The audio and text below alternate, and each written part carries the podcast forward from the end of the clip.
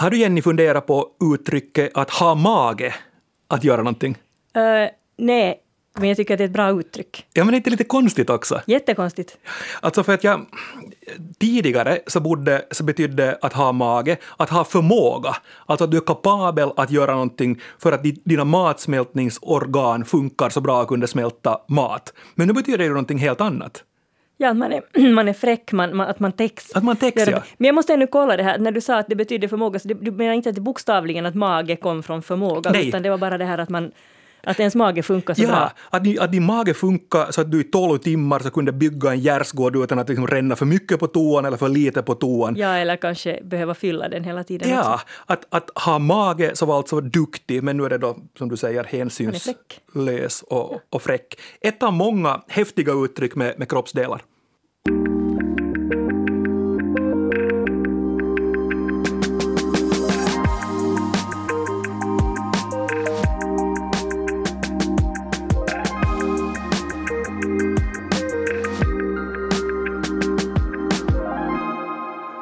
Näst sista ordet tillbaka med mig, Jens Berg och språkexperten Jenny Sylvén. Hej! Det finns hundratals, kanske rent av tusentals ord och uttryck som anspelar på vår kropp och våra kroppsdelar. Och de flesta, eller många, så är ganska begripliga och, och genomskinliga och inte på det sättet så spännande.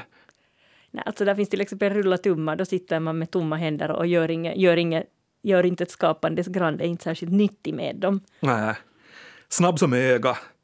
Ska man bli knäsvag? Höjda ögonbryn. Ja, då, då är man förvånad. Mm. Och bredare axlar. Vi behöver bredare axlar, säger man till Just exempel. Då måste man vara någon starkare krafter som, som kan klara av någonting. Och ta, att vara tandlös, då är man lite så här oförarglig, ofarlig.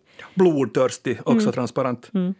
Men, men så finns det ju då massa roliga och också märkvärdiga ord och uttryck som handlar om kroppen och våra, våra kroppsdelar. Har du någon favorit?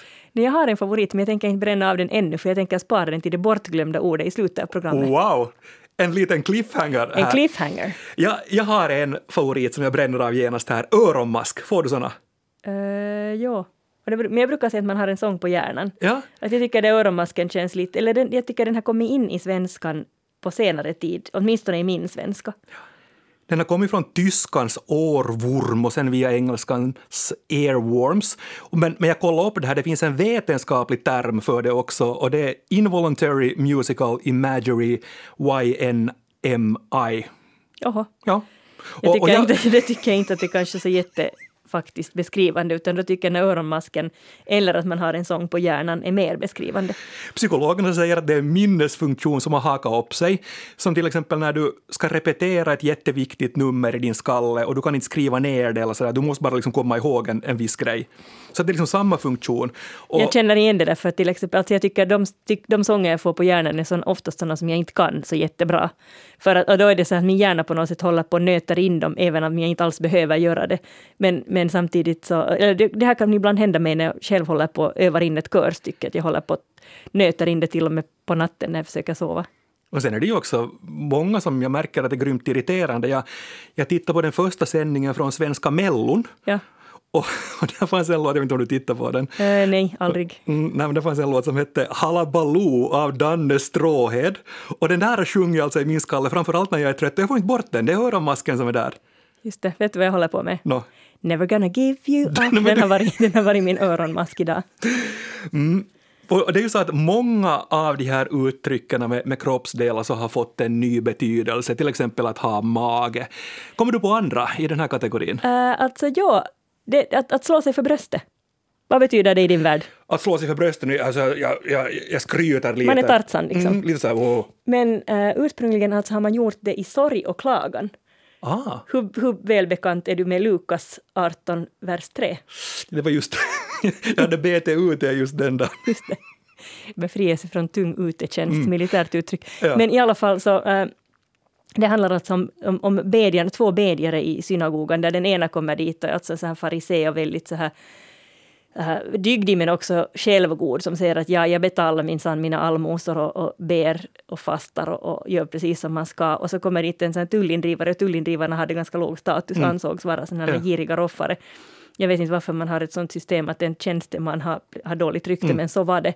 Och han kom liksom till synagogan och, och slog sig för bröstet och, och, och sa ve mig, Gud var mig syndare nådig. Och det här är alltså en, en liknelse där Jesus tyckte att den här tullindrivaren var den mer rättfärdiga av de här två Ja. eftersom han ödmjukade sig inför Gud medan den andra gick dit med ett sånt stroppigt och självgott sinnelag. Mycket intressant. Han alltså slog sig för bröstet och det var liksom i sorg. Ja, exakt. Ett annat som missförstås är att höfta, brukar du använda det? Att jag, jag, jag höftar till, alltså att jag uppskattar chans att slå till. Ja, kanske jag, eller på en höft sådär ungefär. Ja, och, och det här har ju ingenting att göra med kroppsdelen höft, utan kommer från gamla ordet höva, som betyder ungefärlig beräkning. Det finns ju uttrycket över hövan. Ja, ja. Och, och, och sen funderar jag också på det att när vi, när vi säger på svenska att jag höftar till, så kan det kanske också ha påverkats av engelskans shoot from the hip. Just det. Eller vem som har påverkat vem. Ja, vet Jag inte. tänker att nu fanns det ju en del nybyggare, alltså en del nordbor bland nybyggarna också Mm. i Jänkistan. Sant. Och, och de här orden så säger också en hel del om hur vi såg på vår kropp och, och sen kanske också hur vi ser på den i, idag. Och jag tänkte vi skulle titta på, på de här och vi går från topp till tå, en del av kroppen i taget. Eller från gässan till fotabjället. Fotabjället. Det är det alltså ett idiomatiskt uttryck som finns åtminstone belagt i en gammal bibelöversättning, men det har nog alltså använts annars också. Och nu används det helt alltså då som ett idiomatiskt uttryck. Och nu hoppar jag rent till fotabjälle fast vi skulle börja med Eh. gässan. Men jag vill inte riskera att vi glömmer bort det här Nej. roliga ordet. Och vet du vad fotabjälle är? Nej, det vet jag faktiskt inte, men, men jag, jag, jag gissar på knylan, alltså fotknölen. Och där gissar du alldeles rätt. På riktigt? Ja, alltså fot, bjället det är liksom en, en, en knöl, finns i vissa dialekter och det lär alltså vara helt besläktat med boll. Men, men sen har fotabjälle ofta kommit att ses som valvet helt enkelt, för att om man nu ska gå liksom all, lite lägre ner ännu för att, kom, för att matcha gässan. Ja, För att gässan är ju den här allra översta delen av huvudet. Och den kommer då från, från eh, någon sorts fornnordiskt ord haus som betyder huvud. Det finns bland annat i danskan i formen ise, som alltså är samma ord som gässa. Därför att det där med, när jag drog till med, med, med knylan, eller knölan, så, så har jag märkt det på, på finlandssvenska dialekter, när man inte riktigt vet vad det är fråga om för, för utbuktning på, på kroppen, så drar man till med knylan. Okej, För att tåknyla är, är liktå, ronknyla är, är höftbenet och sötknyla så är liksom vilken öm punkt som helst, att jag fick på söta knölen. men intressant att den heter sötknyla om den är ond. Ja, men jag tror att det är också, också den här eh, armbågen, alltså när man får den här kärringstöten som du brukar kalla för något ja, annat. nej, enkelstöt. Ja. Enkelstöten, ja. Om man för våra axlar då, roliga och obegripliga ord. Hals över huvud tycker jag är, är jättemärkligt. Ja, nej, jag tycker inte att det är så märkligt, för jag tycker helt att den där halsen över huvudet, så då har man nog verkligen fallit handlöst. Mm. Och en annan med, med hals som, som jag tycker är, är lite rolig, att du står där med din tvättade hals. Det brukar jag också använda, men jag vet inte var det kommer ifrån. Ja, Jag, jag har läst att det är en, det är en gammal anekdot att det var två bröder som skulle iväg på en, på en fest och så sa mamman att nu ska ni tvätta er och göra er i ordning. Och den ena brodern så var snäll och, och, och tvätta sig och den andra så brydde sig strunt. Och sen så blev den där festen inte av och då sa den här otvättade till sin tvättare att där står du nu med din tvättade hals. Just det, så att, ja, ja, men, det, men det är nog i den betydelsen. Där, står det nu, där står man med sin tvättare hals, man blir liksom lite snopen. Ja. Men skägget i brevlådan, det är ju en annan. Att där står man med skägget i brevlådan, då är man lite hjälplös och sitter fast. Det är sant ja. Och tappa ansikte, har du tänkt på det?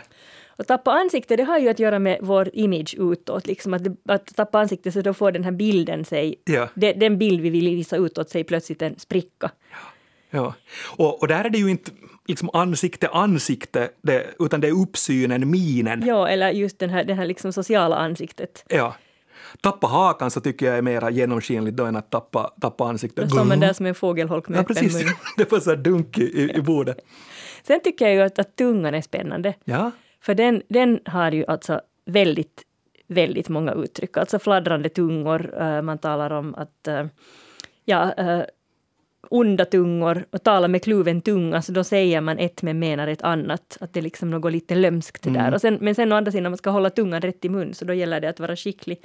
Jag tänker det som en sån balansakt nästan, att har man tungan, tungan i en fel, har man tungan fel så rubbas jämvikten. ja, eller om man har den i fel mun. Det också. Tala i tungor finns ju också. Ja, och sen ja, tung häfta. Så det, alltså, å en, ena sidan finns just det här liksom fladdrar och tung, tala i tungor, så då, då blir man ju liksom, talar man av en gudomlig ingivelse. Men, Ja. men äh, talar man äh, just det här med fladdrande tungor eller har en vass tunga, så då, då, då är man elak, Ja. säger man fult. Vakta Ja. sin tunga, så då aktar man sig för att pladdra för mycket. Men sen finns också just det här att ha någonting på tungan, det vill säga man, man kommer inte på ordet så det vill inte ut och en annan att ha tung häfta. Så det finns både det här att det fladdrar för mycket eller att man inte riktigt får fram det man vill ha sagt. Det är sant. Tunga lingua. Kieli. Ja, Ja. Näsan då? näsan, där har man ju alltså en näsa för affärer, då, då har man liksom ett sinne för det. Ja. Men kanske också där doftsinne viktigare tidigare på, på något sätt också, ha Mm. näsa för. Ja, men sen tänker man ju också att affärer så beror ju på en, en massa olika små variabler som man på något sätt kan kombinera rätt för att liksom ha en aning om, om vad det lönar sig att göra. Och eftersom om det här är lite uh, svårdefinierbart vad det är som gör någon framgångsrik, så då kan man just säga att det är, näs, den här liksom lukthinnan Ja. som spelar in, att man har, en- näsa för någonting. Dofta pengar. Sen lägga, lägga näsan i blöt så är en lustig, lustig sammanblandning också. För att, att det, det fanns tidigare att, att sticka näsan i, i många olika uttryck. Och, ja, nu tycker jag fortfarande att, Ja. att man stickar näsan Ja. i sånt som inte angår en. Och så fanns det också lägga hjärnan i blöt, att bekymra sig. Och så blev det här sen då en, en kontamina sammanblandning, lägga näsan i blöt. Just det, men det betyder då inte att man bekymrar sig, utan just det att man stickar näsan där den inte hör hemma. Öra då? Örat, eh, man har, man har öra för någonting, det är samma sak att liksom, ja, att man har öra, då, har man, då är man musikalisk Ja. till exempel. Och vara på öra. Har du funderat på det, alltså när du är berusad? Jag undrar riktigt vad det betyder, men ja. Alltså jag, jag tänker att, att har det någonting med balansen att göra sen då? Att om, om, om balansen finns i öra? ja, det kan hända. Jag vet inte. Och men torr bakom det öra. för Ja, torr bakom örat, det betyder alltså att dopvattnet äntligen har torkat. Det här torr bakom örat brukar man bli i samband med konfirmationen, så här ursprungligen, men nu, nu kan man väl säga att alltså, man säger ju det sällan i så här jakandes att han är torr bakom örat, utan man säger att han är knappt torr bakom Mm. örat än. Alltså det vill säga dopvattnet har knappt torkat. Då antyder man alltså att någon är liten, ung, barnslig och så vidare. Mm. Sen finns ju också att ha en rev bakom örat. Och det här, det här lär också vara en, en sammanblandning. Slug och listig som en, som en rev, där vi, där vi talar om. Och så fanns det tidigare att ha en skalk eller en skälm, alltså den onde djävulen, bakom, bakom örat. Men, men sen kom man på att det här kanske inte är bra då att uttala djävulens namn, så då kom reven in istället. Ja, just okej, det är ju spännande. Det är ganska spännande, En, en ja. liten listig en. Ja. En listig rackare. Sen tänker jag på det där som, eh, men inne på öronmasken och just det här att ha någonting på hjärnan. Så, ett örhänge är ju snarare, det är liksom inte det här själva öronmasken, men en låt som fastnar. Sant. En slager. Ja. Liksom. Sen finns det några finlandssvenska också med, med örat. Vi lägger någonting bakom örat, korvan taakse. Ja. och det betyder att man, man liksom sparar det. Ja. Sparar det i hjärnan, liksom gör en liten anteckning. Och få kring öronen, det är väl också bara Ja, finlandssvenska? det tycker jag är jätteroligt. Ja, Sanna Korvilleen. Ja, en örfil är ju också kindpust som det heter på äldre svenska. Ja. Få på pälsen säger man kanske på, i Sverige mera, eller Ja, sa tidigare. Öga då? Öga för öga, tand för tand, Hammurabis lag. Jag måste ta den här finska här också, för jag tycker att av alla uttryck som finns på alla språk jag kan så är finskan så nyrkki silmän bäst, alltså hand i handske, att någonting passar som knytnäven i ögat. Alltså inte Ja, lysande. det, det säger på något sätt någonting om sinnelaget. Men jag har en annan, som, en annan finsk, men den tar vi sen. Vi får rutscha lite neråt på kroppen Okej. för att, för att jag ska få användning för den. Ja, men finskan har ju jättemånga mustiga, en annan som, som jag tycker också är att sopii kun nenä päähän. Ja, ja den är också... Den, det, ja, ja, den, Ja. den är fin. Men om öga ännu, en nagel i öga, har du tänkt på den? En nagel, alltså en nagel är ju inte här en, en fingernagel, Nej. utan det är en spik. Ja, Att man naglar fast ja någonting. det, och det är ju det man, man, man missförstår, eller, eller du missförstår inte, men, men, men jag har gjort det. Och, och när du var inne på Bibeln, så, så det här alltså då att vara en nagel i öga på någon, så kommer från Bibeln. Och, och sen, sen läste jag en spännande sak, just det här med, med, med gamla översättningar till svenska, alltså bibelöversättningar. Så för hundra år så stod det att, att det var en nagel i öga. Sen blev det för ungefär 50 år sedan en törn i öga och idag är det taggar i öga. Ja, åtminstone pottar det. Ja, det, det, det pottar. Jag brukar säga att någon är en sten i min sko. Mm. Men, men sen tänker jag att, att eh, på tal- om ögon och Bibeln, så där finns ju också att du märker inte grandet i din grannes öga. Nej, Du, märk, du märker gran, grandet i din grannes öga, men inte bjälken i ditt Nej. eget. Alltså när man pekar finger så är det ofta så att man, man har samma fel, fast Ja. sju är så värre. Men sen måste jag fråga dig, det finlandssvenska uttrycket att man har piss i skrinet, va- var har man piss då? Huvud. Ja, så, så har jag tolkat det också. Men, men har du hört i, i, i Sverige och framförallt i Stockholmstrakten, så om du är risig i skrinet så är det magen. Jag har hört det bara som ris i kistan. Men sen tänker jag på det där med, med alltså piss i huvudet, så det säger man ju bara i Finland, att någon är kosig. Inte säger, inte säger ju någon i Sverige att någon har piss i huvudet. Så jag tänker att, att, att skrin är, eller ja. Men, men ännu med ögonen så kan man ju förstås ha ett gott öga till någon, eller bara ha Mm. ögon för någon, eller få upp ögonen för någonting. Det är ju också positiva saker. Man, uppmärksammar någonting. Vi flyttar oss neråt på, på kroppen, på tal om mage, ja, kistan så var du, var du inne på. Att få sig någonting i kistan. Ja ja. Jag, hörde, jag hörde en bekant, jag vet inte om det, om det är sant eller falskt, men att hans pappa skulle ha använt, han var präst, och på ett begravningskaffe sagt att nu skulle det vara skönt att få någonting i kistan. men, men kista så kommer, så är ju besläktat med ordet cistern, så att egentligen så är det ganska logiskt det där att du får någonting liksom i magcisternen. Behållaren. Annat med mage. Nå, att någonting är magstarkt. Mm. Och, och det här alltså, det betyder ju att det är liksom lite, mer, lite mer än vad man tål. Ja. Men det är ju inte bokstavligen magstarkt, utan, utan man sätter någonting i vrångstrupen för att man liksom hajar till att oj, får man verkligen säga så här, det här var fräckt. Ja. Eh, att sätta någonting i vrångstrup, eller sätta kaffet i vrångstrupen, Mm. det är ju också en, ofta en, en eh, också en sån språklig bild, att man hajar till och blir förvånad. ja. Bukskrov, kaggekula. Just det, magsur kan man vara. Ja. Och då är man ju en, en, en sur person. Mm. Men, men i bålen och magen, och, och liksom, alltså bålen är ju den delen av kroppen som inte är huvud, armar eller ben, så där finns ju ett organ som finns ju i väldigt, väldigt många uttryck, och det är ju hjärtat. Ja, förstås. Och hjärtats funktion som kroppens pump har alltså gjort det till en symbol för känslorna. På många håll i världen och inom många kulturer så har man alltså just av tradition sett hjärtat som känslornas och kärlekens boning medan huvudet är förnuftets. Det, det finns sen andra, andra till exempel em, jag tror var det i, i Japan har man av hävd tyckt att känslorna sitter i magen. Men nu anses snarare att de sitter i halsen. Så, att- så, att det finns kulturella skillnader här, men det är ganska många, på Ja. många håll i världen som man ändå gör en skillnad just mellan hjärta och hjärna, Ja. förnuft och känsla. Men då kan man alltså, någonting kan ligga en varmt om hjärtat, då är det någonting som man ömmar för, någonting Mm. som man tycker är viktigt. Sen kan man vara godhjärtad eller ha hjärtat på rätt plats. Man kan ha hjärta i halsgropen om man, om man blir skrämd. Eller sen kan man också, det känns som hjärtat, hjärtat höll på att stanna för att Ja. man blev så rädd. Men så kan man också förstås ha brustet hjärta. Mm. Men det är intressant för det finns få andra organ som, som, som har idiomatiska uttryck. Ja, jag kommer inte på något. När jag kom på no, en, en lite vulgär som vi tar senare, men sen alltså att man är mjältsjuk Ja. och hetlevrad. Ja. Och om man är mjältsjuk, så det, alltså hetlevrad betyder ju att man, man är kolerisk, man har Ja. liksom lätt att ta, man, man Ja. blir rätt arg. Men mjältsjuk eh, betyder detsamma som melankolisk eller svårmodig. Och, och den här kop kopplingen mellan mjälten och melankolin hör alltså hemma i antikens temperamentslära. Där vi hade liksom olika kroppsvätskor Mm, som jag- styrde om det var gul galla, svart galla, tror jag. jag minns inte om det var svart eller gul galla som gjorde oss melankoliska, men den producerades i mjälten. Ja. Händer, armar och fingrar sen. Vet du, Jenny Sylvin, vad inackorderingsarmar är? Nej. Alltså inackorderingsarmar så är då när du är inhyst, du bor hos, hos någon och är kanske inte bortskämd med mat. Så inackorderingsarmar så har du långa armar, sträcker dig efter någonting på bordet, du är, du är sannolikt jättehungrig och, och, och, ber inte att kan du få det där brödet utan armarna är så långa så du sträcker dig efter någonting. Jag har hört scoutarmar. När man varit ute i skogen hela dagen så är man också hungrig och roffar åt sig.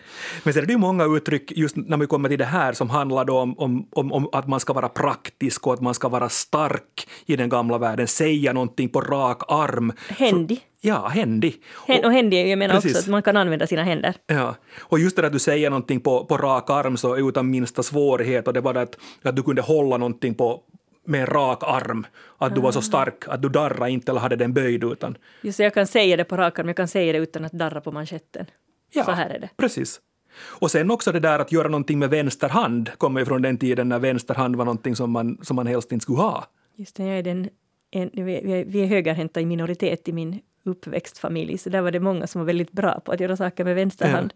Och sen finns ju uttrycket också att ha två vänsterhänder. Just det, just det, att tummen mitt i handen. Ja, precis. Och sen ett uttryck som jag tycker är jättefascinerande, så är när vi finlandssvenskar säger att, att vi, när vi kämpar för någonting så, så gör vi någonting med händer och tänder. Men i Sverige så är det ju näbbar och klor. Väl? Ja, ja, ja, ja. Och på finska så kombinerar man de här kynsin hampain, alltså med, med tänder och klor. Så alla, de är olika, finlandssvenska, finska och svenska. Just det. Jag har sällan hört det tänder. Jag har hört att det sägs, men jag har aldrig hört det sägas. Nej.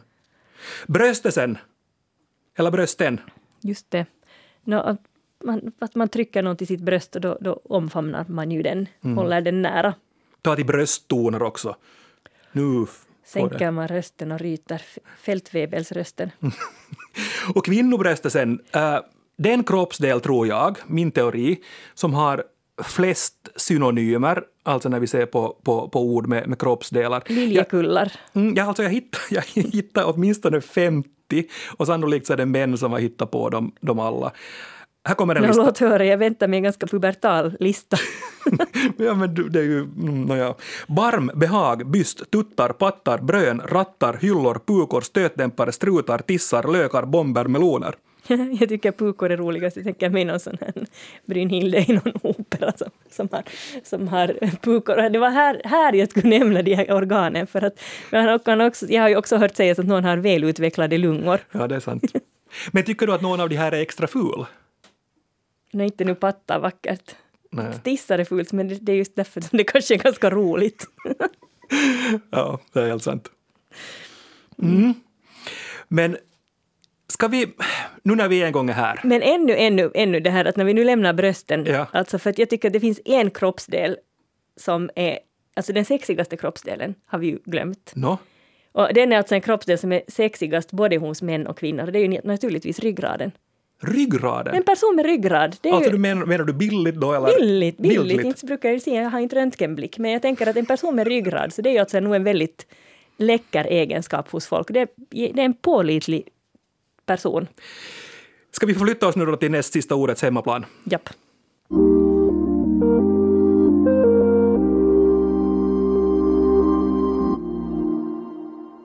Det ord du använder oftast när du ska beskriva någonting negativt är röv, eller rövarnas röv brukar du säga. Eller jag brukar säga vid alla rövars röv.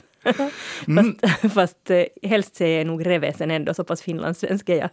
Ska vi ta några uttryck då som handlar om människans akter? Få tummen ur Ja, röven. ja för tummen, man behöver inte säga reven, man vet var den ska ur. Ja.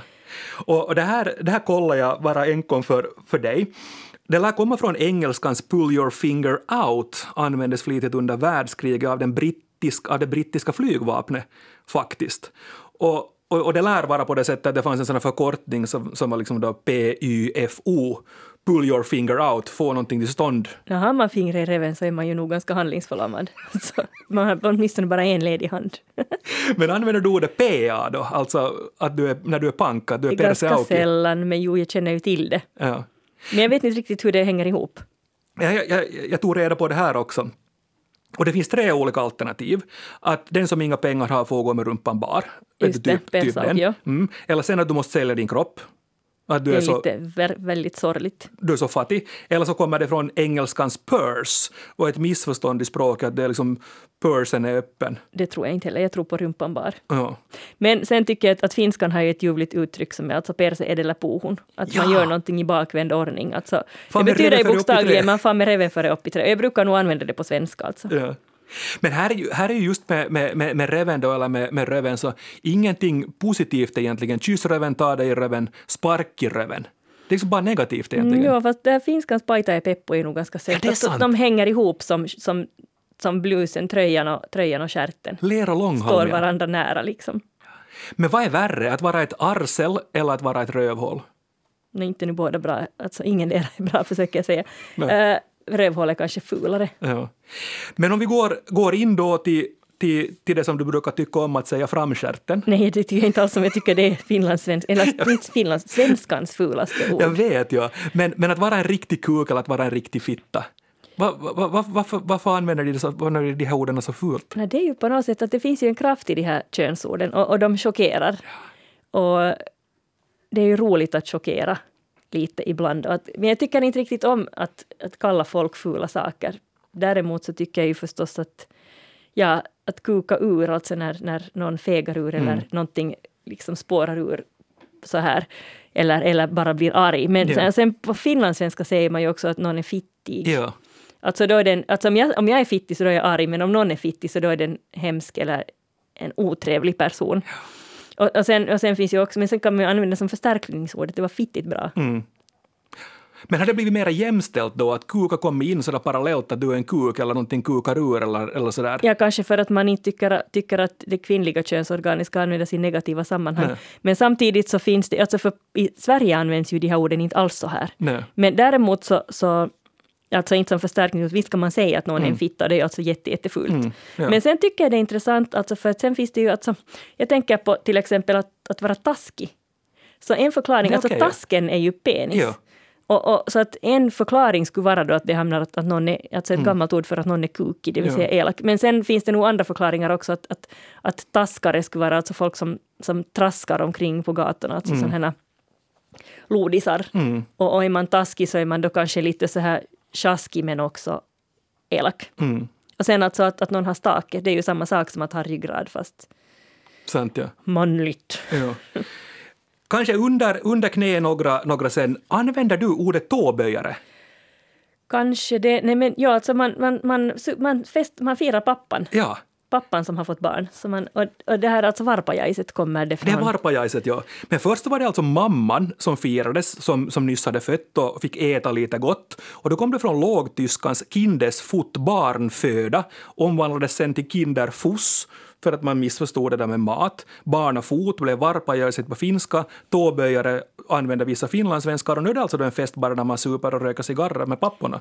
Ja, men det som jag tycker att är trevligt, för det finns också en, en eh, vet, Peter Slotte som, som har jobbat på Språkinstitutet. Och han lanserade, jag vet inte om han hade hittat, hittat ordet eller lanserade att, att, att supa barnatår. Ja. Och då finns den här dub, dubbla bemärkelsen, å ena sidan att man tar sig en tår på tand och en barnatår, men sen också förstås de här tårna. Ja. Jag tycker det är ganska nätt. Det är sant ja. Ha torrt om fötterna, vara väl förberedd. Ja. Akilleshälen är ju lite spännande också, hjälten Akilles som var sårbar bara i hälen. ja. Och Adams äpple kommer jag att tänka på som inte har någonting med fötter men med Akilles. Och amorbåge. Just det ja. Så amorbåge, Adams äpple och Akilles som namn någonstans. Spännande. ja. Bortglömda ord Jenny, du har sparat det, du, du, du hypade det här genast i början av sändningen. Ja, Jag blev lite tyst här på slutet för att jag på något sätt försökt ladda upp inför det här. Men alltså ordet, ordet eh, det bortglömda ordet är alltså gomspenen. Gomspenen. Ja.